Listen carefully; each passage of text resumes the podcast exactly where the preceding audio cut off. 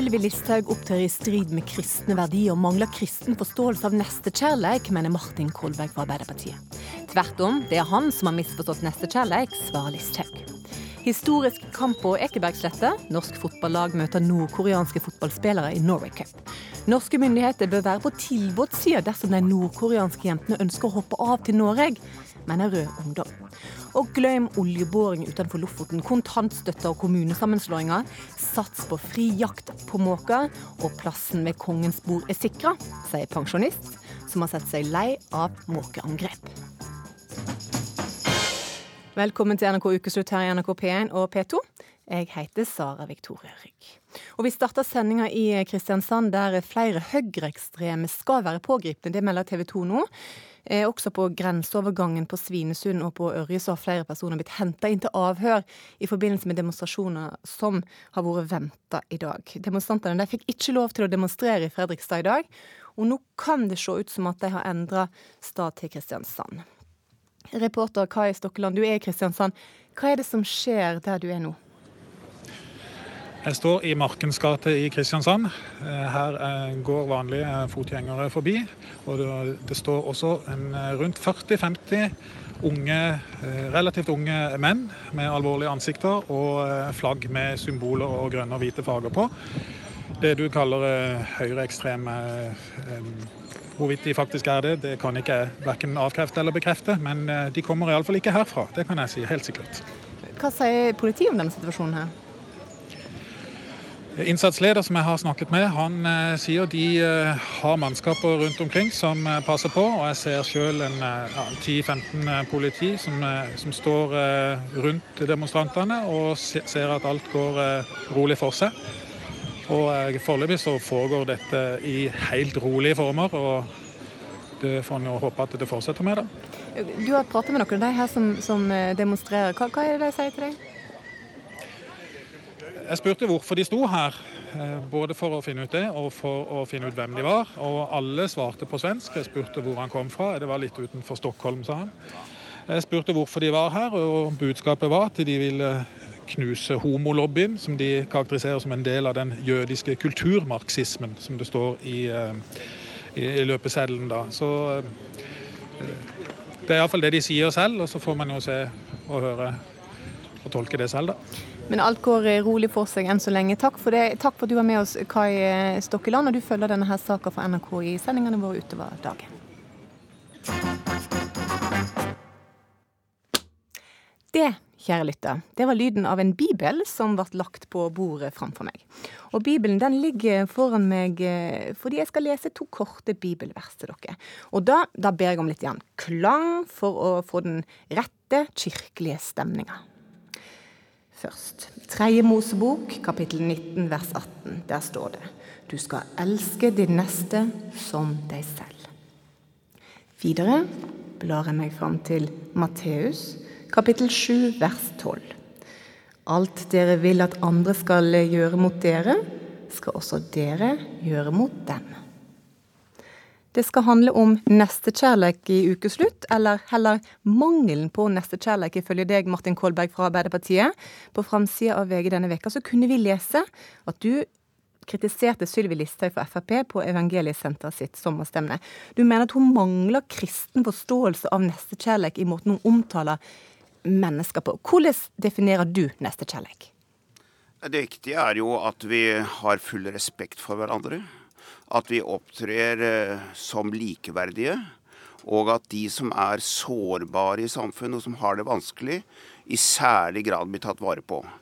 Og det er jo tett sammenfall mellom kjernen i det kristne budskapet og det som eh, sosialdemokratiet og Arbeiderpartiet har stått for i Norge. Men Hva er det da Listhaug sier som gjør at hun ikke oppfyller kravet med å f.eks. vise respekt og nestekjærlighet for folk? Ja, hun har over lang tid som vår integreringsminister, altså det er en person som sitter ved kongens bord, dette, eh, som eh, over lang tid uttalt seg slik at hun skaper et inntrykk av at de menneskene som har kommet hit og fått opphold, og fått opphold, er en utfordring for Norge og et problem.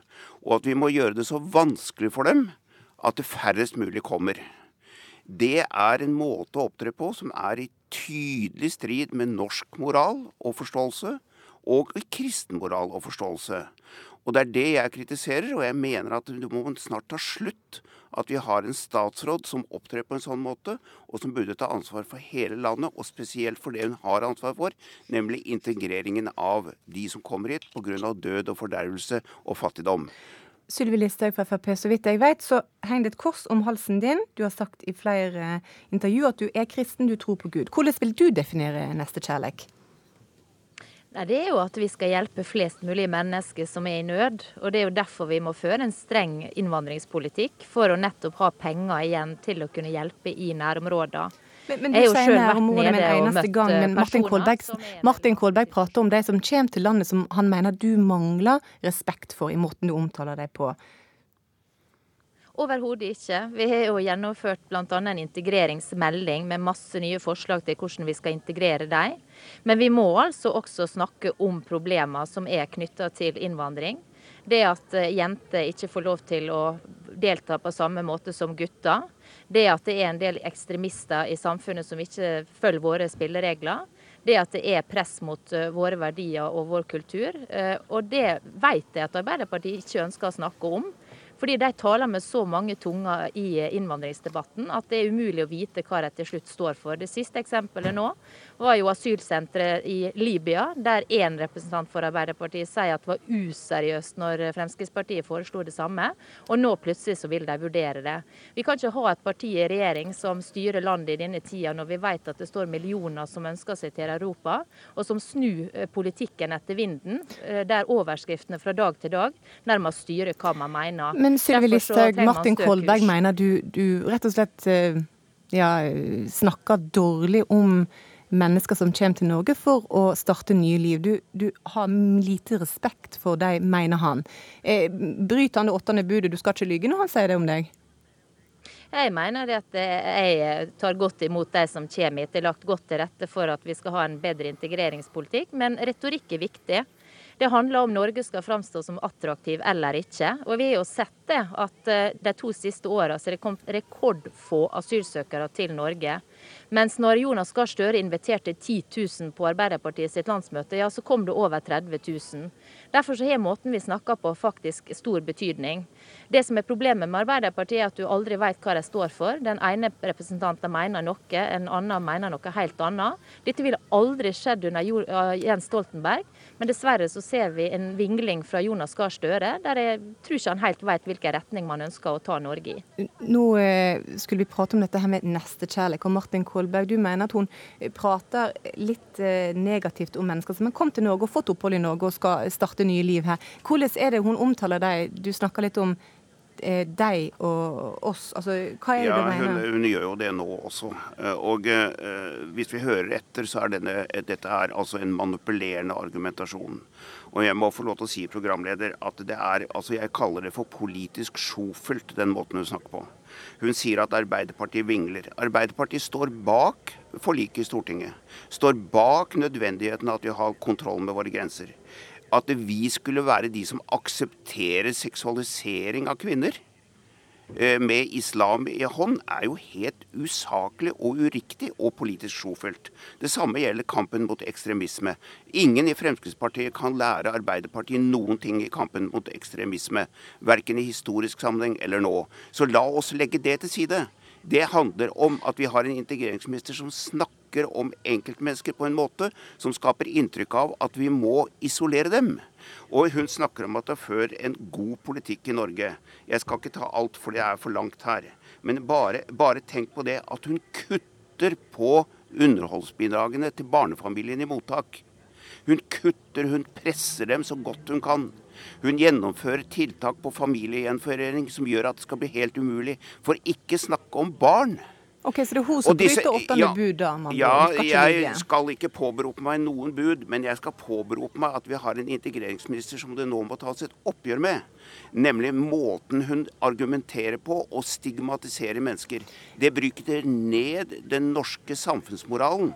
Og det skal vi ikke ha noe av. Og det bør snart være andre enn meg som også sier fra om dette. Sylvi Listhaug, i andre Mosebok, kapittel 22, vers 21, så står det du skal ikke undertrykke og gjøre urett mot eh, en innflytter For dere har selv vært innflyttere i Egypt.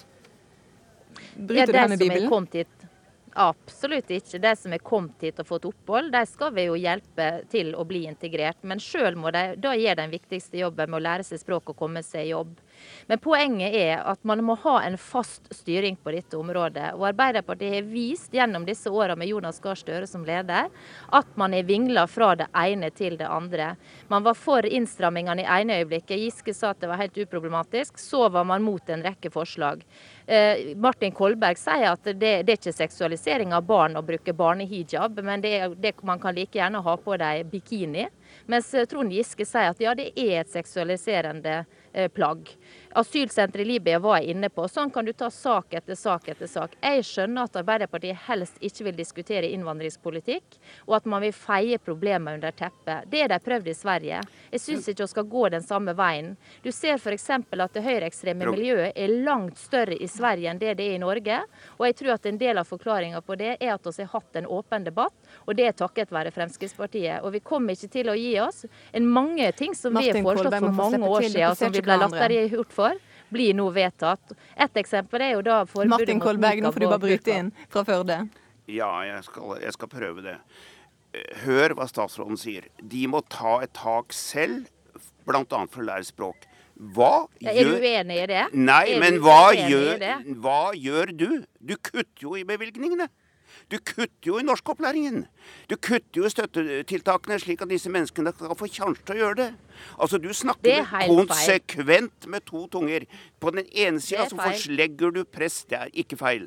Du legger press på innvandrerne, samtidig som du forlanger at de skal gjøre jobben for å selvfølgelig bli integrert i Norge. Vi vil jo det. Og da skal du snakke pent om dem, slik at ikke de føler seg som en utenforklasse i Norge. Dessuten er det jo slik, det... vil jeg legge til Et øyeblikk nå, Listhaug. Et øyeblikk nå. Så vil jeg legge til Sverige. Vi er enige om at vi ikke skal ha svenske tilstander. Arbeiderpartiet står bak et forlik i Stortinget som kontrollerer innvandringen. Jeg snakker om de tusenvis som har fått opphold i Norge under ditt regime, som du ikke tar verbalt, politisk og moralt ansvar for på en tilstrekkelig måte. Og nå vil jeg gjerne få sagt å legge til, som det heter noen ganger.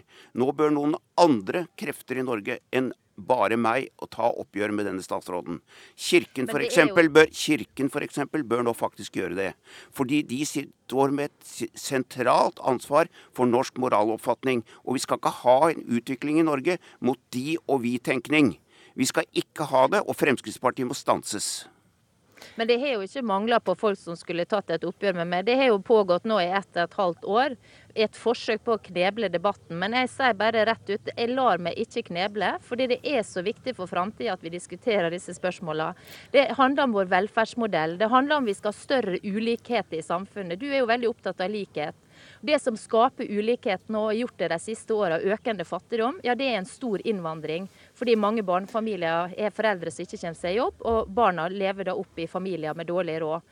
Så dette her er et spørsmål for framtida. Verdiene våre, kulturen vår i et langsiktig perspektiv, det avhenger av hvor mange som kommer til Norge, og hvor godt vi evner å integrere de som kommer. Du skal elske din neste som deg sjøl. Det høres ikke ut som at dere har ekstremt masse nestekjærlighet for hverandre akkurat i denne saka her. Så det vil jeg veldig kort. Absolutt. Jeg har nestekjærlighet overfor alle, men man er Også nødt til å Kolberg. kunne diskutere Og Martin Kolberg, ja, hvordan er nestekjærligheten din mot uh, Sylvi Listhaug? I Østfold. Jeg hørte ikke helt. Hvordan er din neste kjærlighet overfor Sylvi Listhaug? Nei, altså, jeg, jeg, respekterer henne fullt ut. Jeg, vi, kan, vi, prater godt på tomannshånd, så det er ikke det det er snakk om. Her er det snakk om hennes politiske misjon, og det er den jeg går til frontalangrep på. Og den bør mange flere enn meg nå faktisk ta en kamp om. Takk til dere, Sylvi Listhaug, og til deg, Martin Kolberg. Her får dere låta Mercy med Duffy.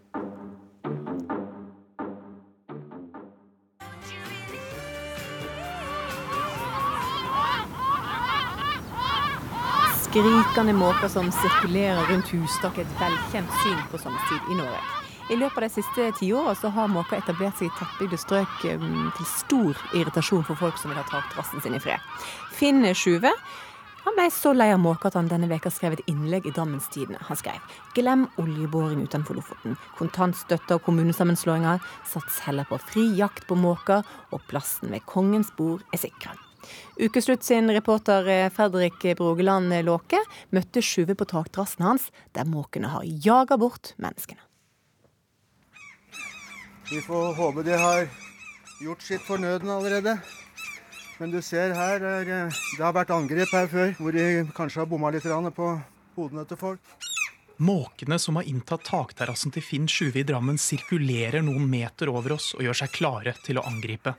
De høye, skingrende skrikene signaliserer at vi er for tett på redet, der en flokk nyklekkede måkeunger venter på å kunne fly. Når vi får måkereir på takterrassen her, så er takterrassen ubrukelig. De jager oss rett og slett vekk. Finn Sjuve og de andre beboerne i sameiet nede ved Drammenselva har sett seg lei på måkenes herjinger om sommeren.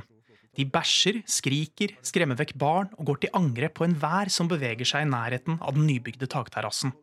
Sjuve og beboerne har gjort alt for å jage bort fuglene. Her har vi sånn eh, skremselsugle stående. Den boksen som står der, den skal sende ut uh, høyfrekvent lyd som vi mennesker ikke hører, men som måkene skal høre, og som skal skremme dem bort. I dag er det forbudt ved norsk lov å fjerne egg fra fuglereder.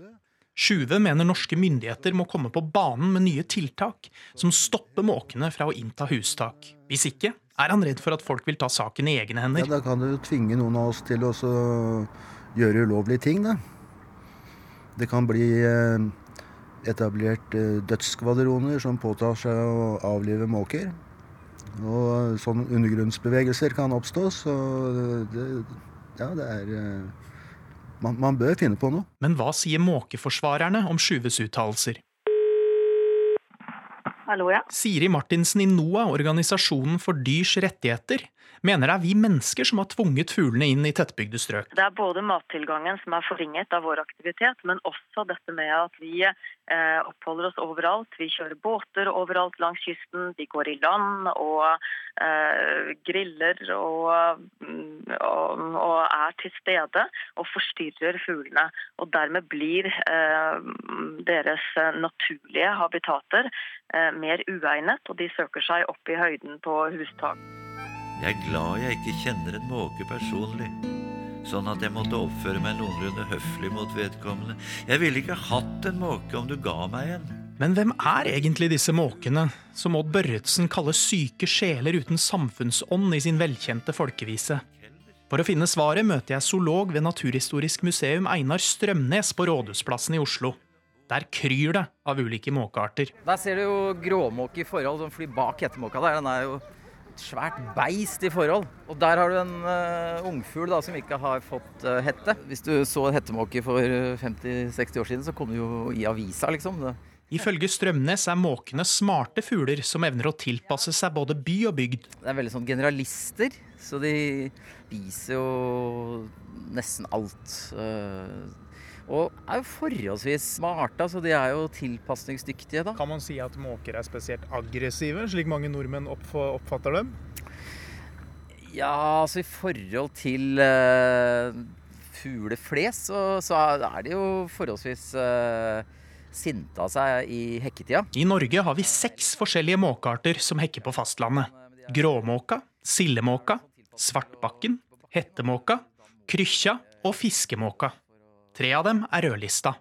Derfor er det straffbart å jakte måker i hekkesesongen. Men hvordan smaker måka egentlig? Sånn som eh, sjøfugleflest så kan det noen ganger smake litt som tran av dem. De er jo høyt oppe i næringskjeden, sånn at eh, de kan jo også inneholde eh, uforholdsmessig mye miljøgifter. da. Tilbake i Drammen har Finn Sjuve tatt frem stigen og er i ferd med å klatre opp på taket der måkene holder til. Det tar ikke lang tid før måkene kommer stupende mot oss som lynraske jagerfly. Nå er de her, ja. ja, nå, nå har vi den her. Og det er jo ikke direkte behagelig. Vi trekker oss bort fra takterrassen helt til måkene roer seg ned. I Drammen har konflikten mellom måkene og menneskene nådd et kritisk punkt. Likevel har Sjuve et snev av omtanke for de syke sjelene uten samfunnsånd. Vi ønsker dem jo ikke noe vondt, egentlig. Men uh, vi bør finne hver vår, hvert vårt område da, og oppholde oss det er der det ligger. Måker eier ikke samfunnsånd. Skal ha, skal ha. Jeg tør ikke tenke på hvilket parti de ville ha stemt på hvis de hadde hatt stemmerett. Og under sånne forhold tenker jeg Jeg er glad jeg ikke kjenner en måke personlig. Du hører på Ukeslutt her i NRK P1 og P2. Halv fram med det å høre at NAF advarer mot å glemme å tenke sikkerhet i ferien, men at det kan føre til unødvendige ulykker. Vi mister hodet på ferie fordi vi ferierer for hardt, mener Toppen Beck, oppmoder til mer kos og hygge i hverdagen. Og setra forsvinner, nå er det bare rundt 900 igjen i drift. Ukeslutt dro til fjells for å gjøre oss feite på seterkultur, medan vi enda kan.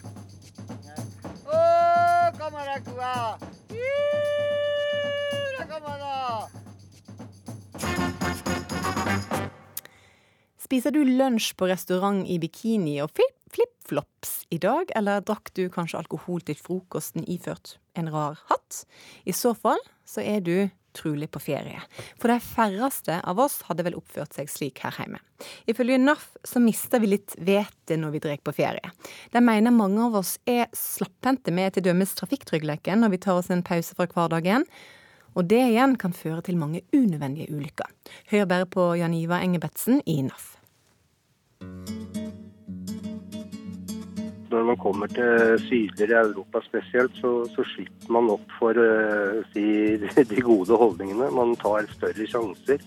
Det virker som at det er liksom friplass når du kommer til utlandet, men det er jo trafikkregler der også. Det Si et vinglass eller en øl til uh, lunsjen, og så skal man bare kjøre noen steder. og så, så liksom Man blir slappere i holdningen. Til syvende og sist så kan man si at hva skulle vi ha gjort uten flaks?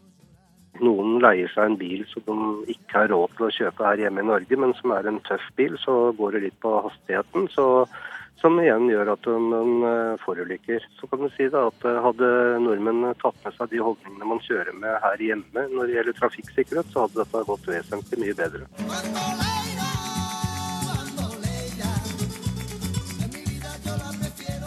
Hva er det som skjer med oss når vi tar ferie, egentlig? Hvorfor oppfører vi oss annerledes? Ukeslutt spurte folk på gata hva de gjør på ferie, men aldri hjemme.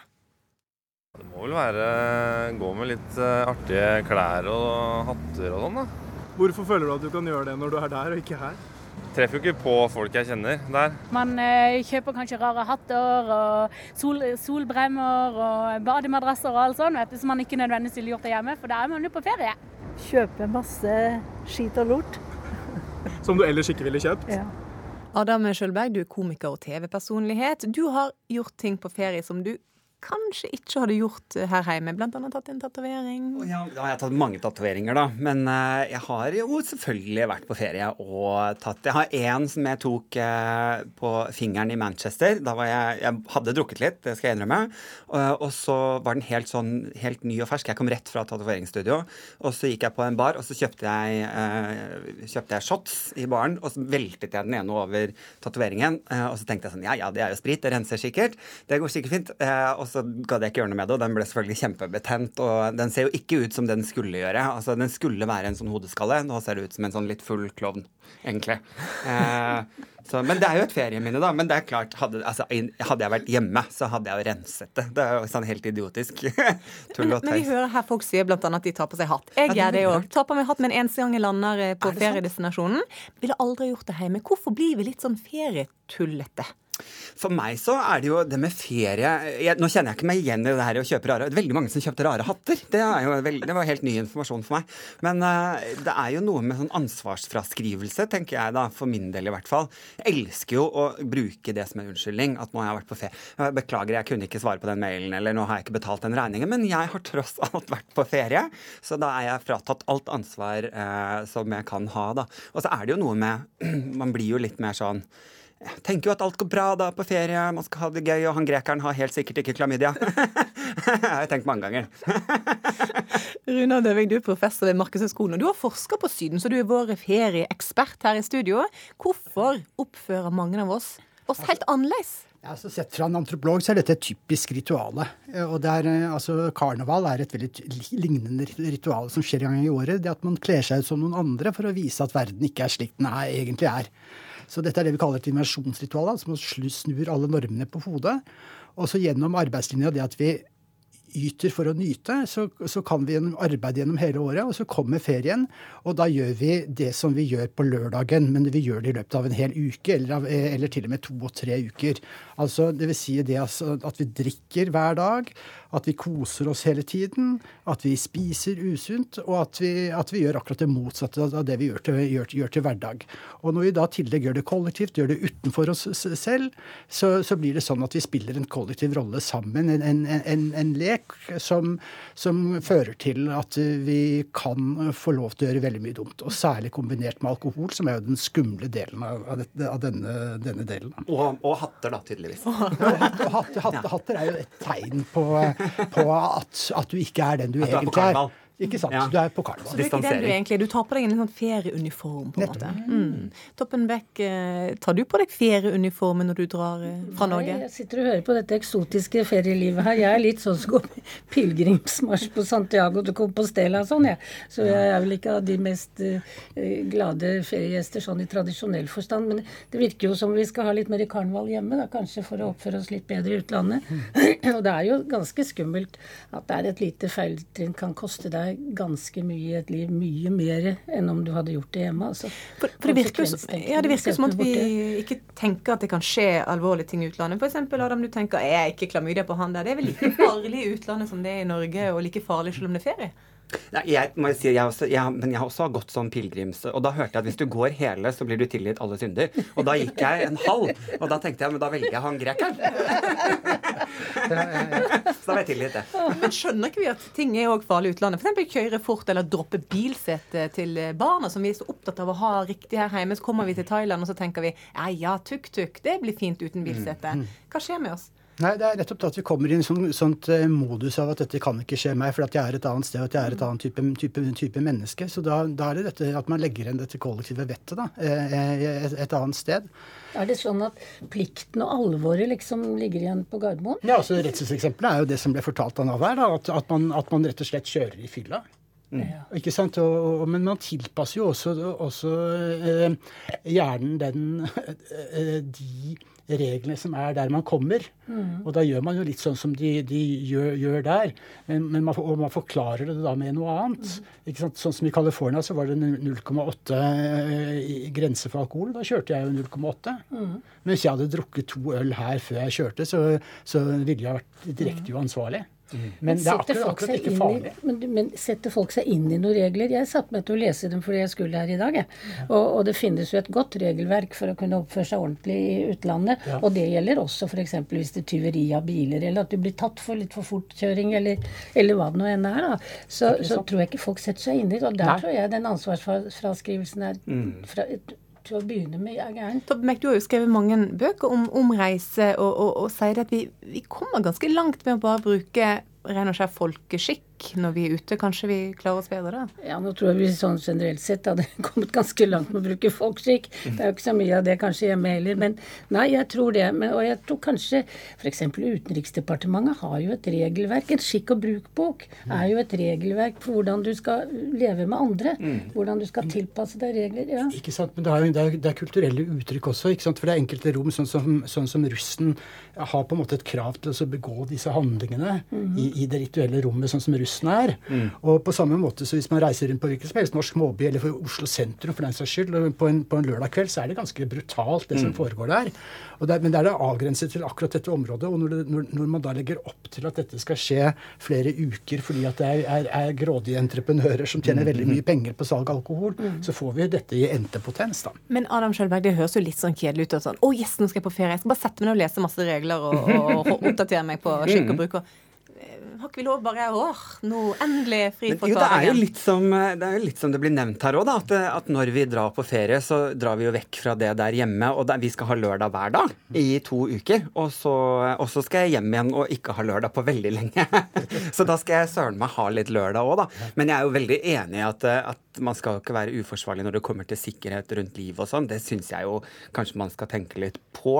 Eh, så man ikke dør da på ferien. Det er jo så dumt når du gjør det. Eh, eller bare det jeg tenker Min største frykt er jo alltid å havne på sykehus i eh, et fremmed land. Jeg er jo sånn kjemperedd for det. da. Eh, noe som fort kan skje når du får betennelse i en tatovering f.eks. Så kunne jeg jo lett ha havnet på sykehus da. Eh, nå, da havnet jeg jo hjemme, ikke den gang hos en greker, men hos en brite. Så det var jo litt samme, samme greie er jeg der igjen, da. det er meg på ferie. Jeg kjørte i en grøft eh, i alvorlig alkoholrus som 18-åring i, i Sør-Frankrike. Og jeg var mer redd, veldig mer glad for at jeg ikke kjørte på noen andre. Ja, ikke sant. Jeg har en kompis som ble arrestert i Thailand. Det var ikke en hyggelig opplevelse.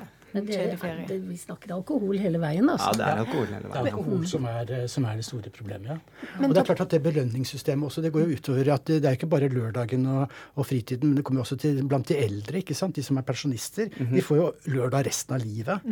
Slik at ah, ah, man, vi, vi må ikke bagatellisere alkohol. Nå ble jeg glad, jeg. Ja, du gleder deg til lørdagen. Men Toppen Beck, du var inne på dette her med at kanskje man burde ha mer stas i hverdagen, da? Rett og slett for at ikke det er litt mer stas i hverdagen, sånn at ikke du har det ekstreme behovet for å ha lørdag hver dag når du er på ferie. Ja, og, og, og jeg, men jeg ser jo veldig godt. Jeg er jo pensjonist. Jeg kan jo Du har jo lørdag hver dag. Jeg har lørdag hver dag, jeg, hvis jeg vil. Ja, virkelig. Jeg kan sove lenge hvis det regner. Jeg kan lese avisen på sengen. Jeg kan drikke vin klokken to hvis jeg har lyst.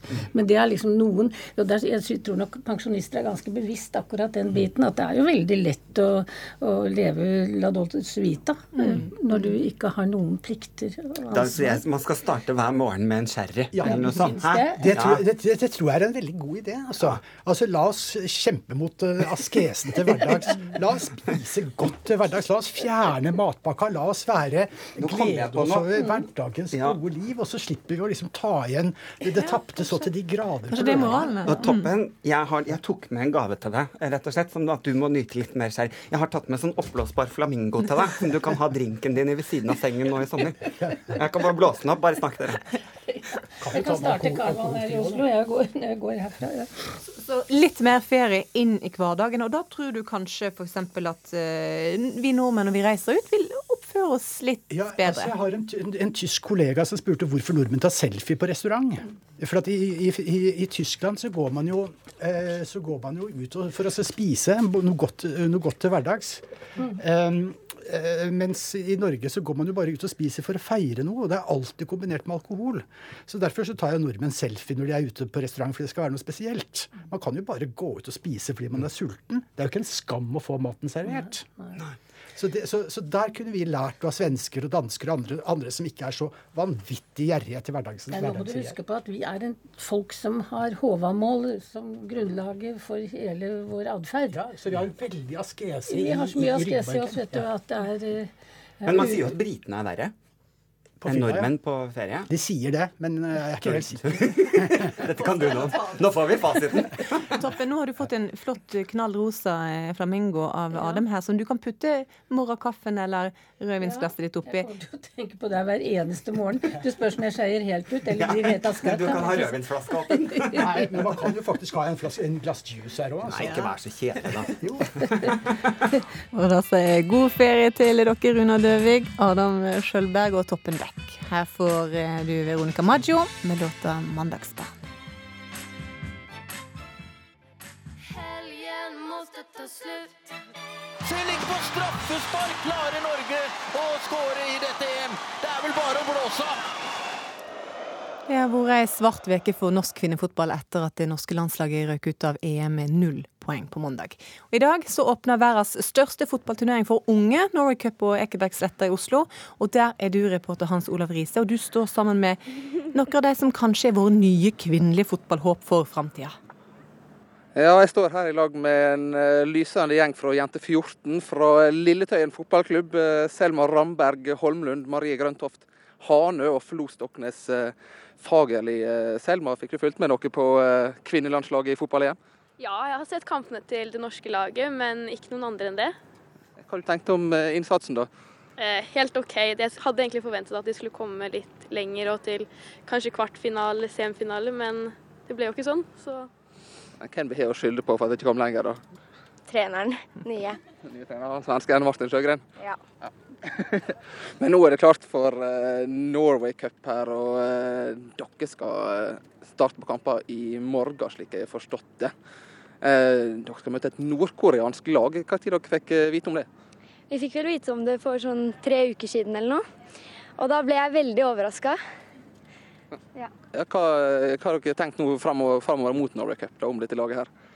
Vi fikk jo vite at de trener to ganger om dagen hver eneste dag og bor på internatskole bare for å bli best mulig i fotball. Så jeg ble litt nervøs, men eh, vi skal gi alt, da. Hva er strategien for å slå disse her, da? Eh, Jeg tror vi må spille som et lag, fordi vi er jo gode som et lag. Og bare gi på og prøve å vinne. Eh, Men jeg har forstått at dere har et heiarop før hver kamp og etter hver kamp. Kan ikke vi høre hva dere bruker å si før kamp? Vi Nei, da. En, to, tre.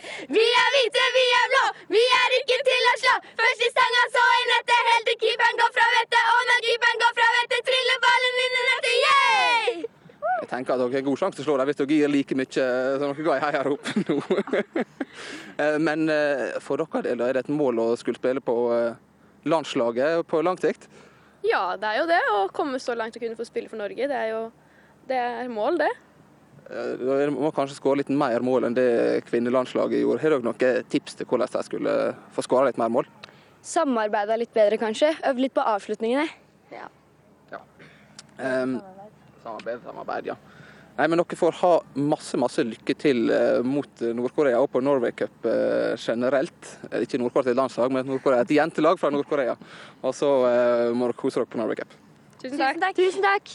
Da setter vi tilbake til studio. Takk til deg, Hans eh, Olav Riis, og, og lykke til til Lille Tøyen, og lykke til til Nord-Korea, og lykke til til resten av laget på Norway Cup.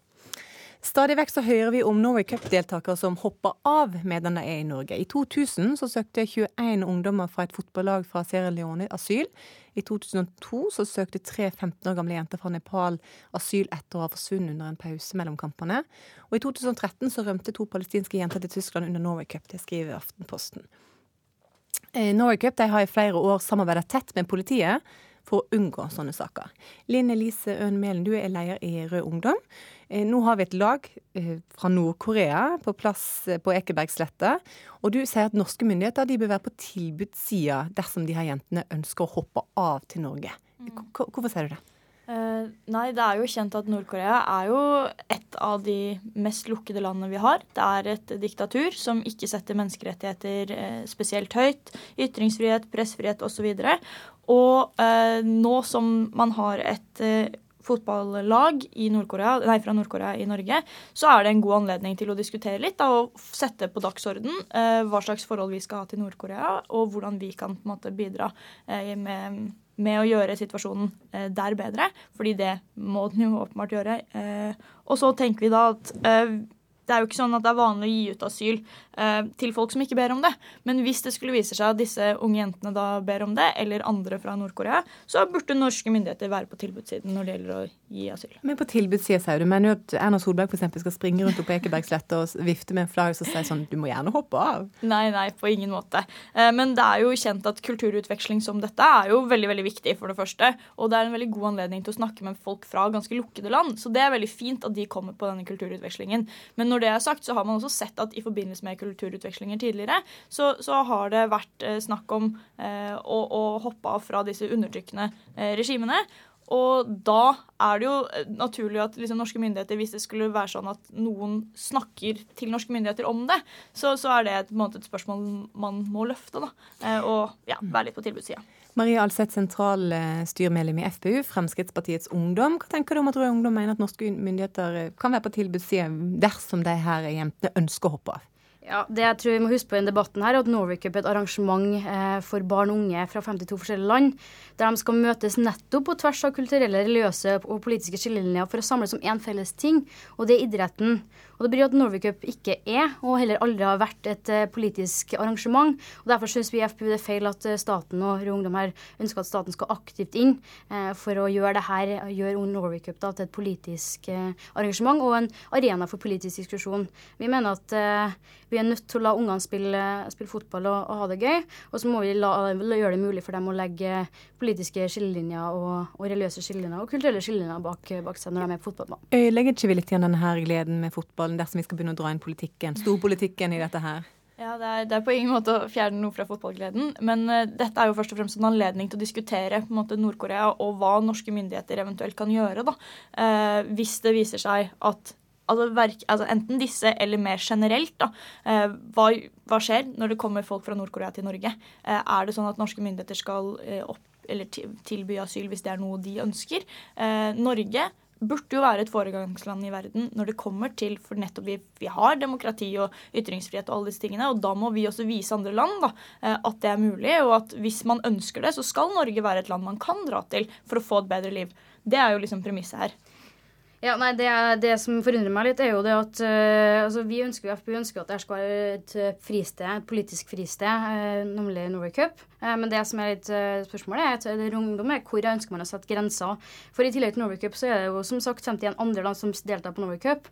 Og mener man da at staten skal oppfordre alle landene til å komme? Det mener vi i FpU i hvert fall er en, en praksis vi ikke, ikke, kan ha på et upolitisk arrangement. Selvsagt, selvsagt. Og vi skal ikke gjøre Norway Cup til et politisk arrangement. Dette handler ikke om Norway Cup i det hele tatt. Dette handler om at det kommer noen fra Nord-Korea til Norge, og det er en eh, ganske unik situasjon. Eh, og så er det ikke sånn at vi skal tilby absolutt alle asyl. Det er ikke det det er snakk om. Men Nord-Korea er i særklasse når det kommer til eh, å være et undertrykkende regime, og det er viktig å anerkjenne.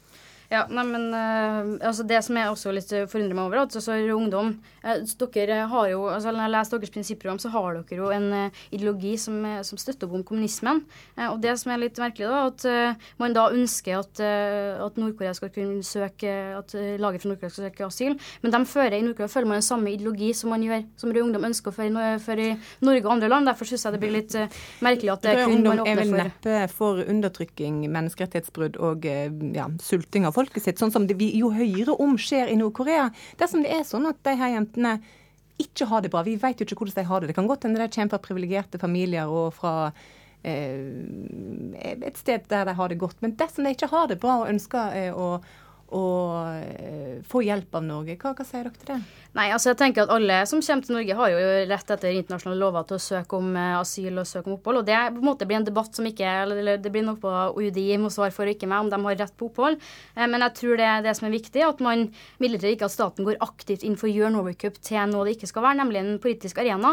Vi må eh, være nødt til å kunne skille mellom politikk og idrett, og særlig når det gjelder barn. og Derfor mener jeg ikke at staten skal gjøre det her til en arena for politikk, men at vi skal la det her være opp til barn og unge å kose seg og ha det bra på idrettsarrangement.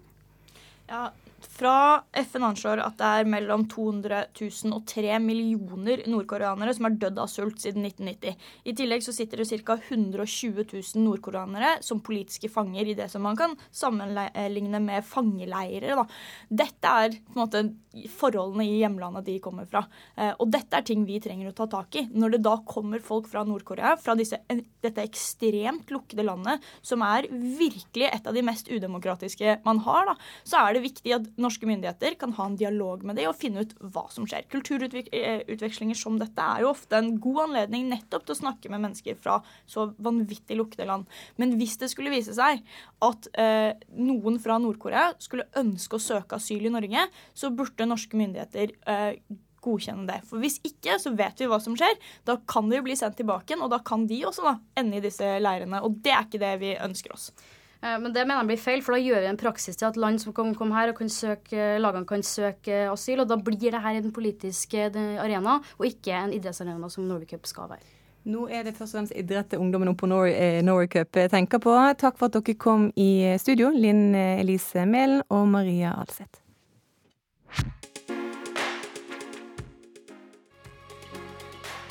Denne veka fridde statsminister Erna Solberg til musiker Lars Vaular og sa at han gjerne måtte stille opp for Høyre i valgkampen, men hun la til at hun ikke var sikker på om det kom til å skje. Om du får nei, Erna Solberg, så fikk du i alle fall høre Lars Vaular og Jon Olav Nilsen med låta 'Som i en siste dans' her i ukeslutt. Setersmør, seterrømme, seter som er blitt til skihytter, det har vi masse av i Norge. Men de ekte setrene, eller støylene, de er i ferd med å bli borte. Det er bare rundt 900 av de igjen i drift. Reporter Sigurd Fletten han har møtt seterentusiasten Eirik Fleischer, og han blir trist når han hører at det blir stadig færre setre.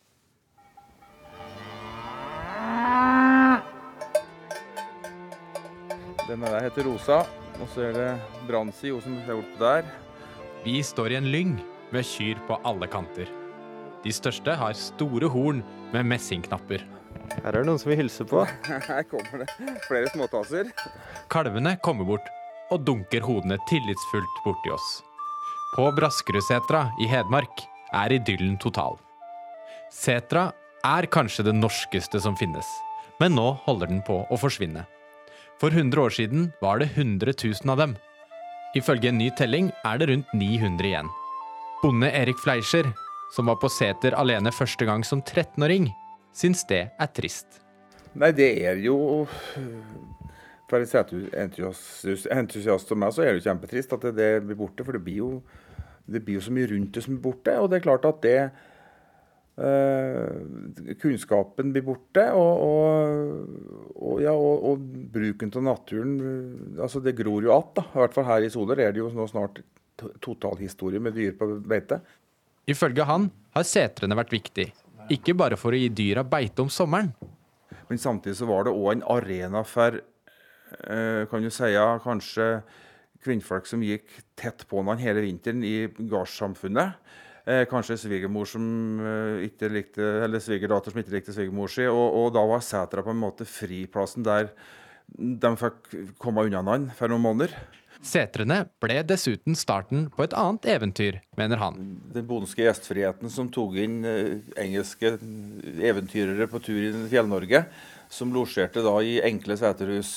Og det var jo på en måte det som danner grunnlaget for dagens høyfjellsturisme, da, kan du si. Og, og, og, og seter blir jo brukt som på en måte en positiv referanse i turisme og i mat. Du har jo setersmør, du har seterrømme.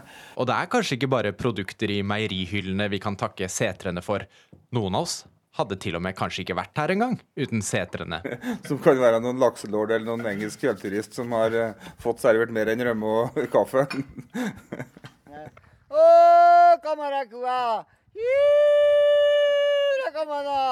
kamarakua! Hira, kamana! Å, kamara, ja, kom Skam kom skam bleikro, fefru Vi har reist til et annet seterlandskap i Norge. Olafjellet står med den duvende lyngen i Gausdal Vestfjell som kulisse, og demonstrerer kukalling for oss. Vi er nemlig på budeiettreff på en fjellkafé i området. Nå er det bare ni setre igjen i drift her.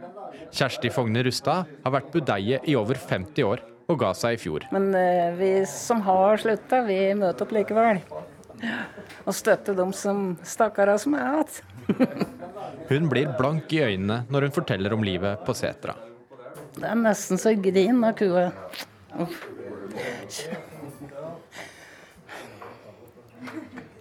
Kommer på setra første dag når du ser glede at kua er dyren. Den er enorm. Og så stille og rolig. Nei, Hvorfor blir du så rørt av det? savner det. Og både på Vestfjellet i Gausdal og i Hedmark er det politikerne som får skylda for seterdøden. Men den store årsaken til seterras i seterbruket, det er jo landbrukspolitikk, rett og slett. For det er jo, eh, kall den styrt politikk til større enheter, felles fjøs. Eh, og, og de små på en måte bruka blir borte. Hvis seterlivet skal overleve, så må familiejordbruket òg overleve. For å treffe de ansvarlige drar vi til en annen seter, som strengt tatt ikke er en seter lenger. Frogneseteren i Oslo. Blant turistene finner vi Morten Ørsal Johansen, landbrukspolitisk talsperson i Fremskrittspartiet. Og slik svarer han på kritikken fra budeiene. En bonde i dag er en selvstendig næringsdrivende, og han er nødt til å drive effektivt hvis han skal ha dette til å gå rundt. Han, han kan ikke leve på nostalgi, det er ikke, det er ikke noe særlig å ete av den. Men så er det da noen som fortsetter, har funnet en nisjeproduksjon i det, og det er kjempebra. Og det tror jeg faktisk flere kan gjøre, hvis de eh, vil det. Og det er klart, det er litt mer jobb. Men, eh, men idyllen er der, og, og det å ivareta kulturlandskapet er viktig. Og så får du de, eh, de særegne og spesielle produktene du kan få på ei seter. Og samtidig da kombinere dette med turisme, så har du faktisk en, en god nisje der. Bonde Erik Fleischer i Hedmark har funnet andre ting å bruke setra til, som å arrangere bryllup og barnedåp. Men han er klar på at det slett ikke bare er nostalgi som gjør at han driver seter. Det er jo ikke noe sinkeprosjekt dette. Jeg leverte 1500 liter mjølk om, om tirsdagsmorgenen. Det er, ikke, det, er ikke, det er ikke et lekeland, liksom.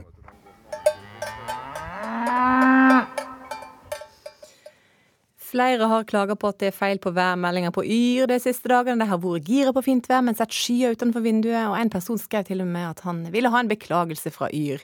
Men du, statsmeteorolog Terje Valle, du bomma aldri på været. Eh, Jeg prøver å unngå det, men det har vel skjedd med meg også. Men det jeg kan si om været i dag, i hvert fall, det er at det er eh, varierende skydekker rundt omkring i landet. Og så forekommer noen regnbyger eh, en god del steder, men i Sør-Norge så vil nok stort sett bygene forsvinne utover ettermiddagen og kvelden, først her østafjells.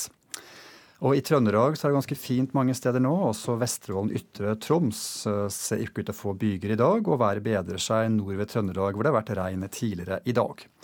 I morgen så starter dagen med stort sett eh, opphold i Sør-Norge, men fra i morgen formiddag så kommer det inn noen regnbyger til Sørlandet og Rogaland. Og eh, disse regnbygene de eh, brer seg nordover til Østlandet og resten av Vestlandet sør for Stad i løpet av dagen, så særlig siste del av dagen. Og I Møre og Romsdal og den nordlige delen av Hedmark og Oppland så blir det bare noen spredte regnbyger i morgen ettermiddag og før den tid eh, morgen øker til østlig opp til kuling på kysten av Sørlandet og Rogaland. Sent på dagen derimot sørvest. I resten av Nord-Norge så blir det nok eh, skyer og regn eller regnbyger i morgen, og nordøstlig opp til kuling på kysten fra Lofoten og nordover. Best vær i morgen det er nok Trøndelag og lengst sør på Helgeland som får, med oppå seg en del sol. Og på Spitsbergen oppå seg perioder med sol i eh, morgen. Temperaturen nå ved ett-tiden var i Tromsø 14 grader, Trondheim 17, Bergen 19, Kristiansand-Kjevik 16 og Blindern Oslo 17 grader. Og varmest for øyeblikket det er det Indre Troms som har, med opptil 24 på de varmeste stedene. Ukeslutt er over for i dag. Ansvarlig for sendinga var Gry Veiby. Teknisk ansvarlig var Finn Lie, og jeg heter Sara Victoria Rygg.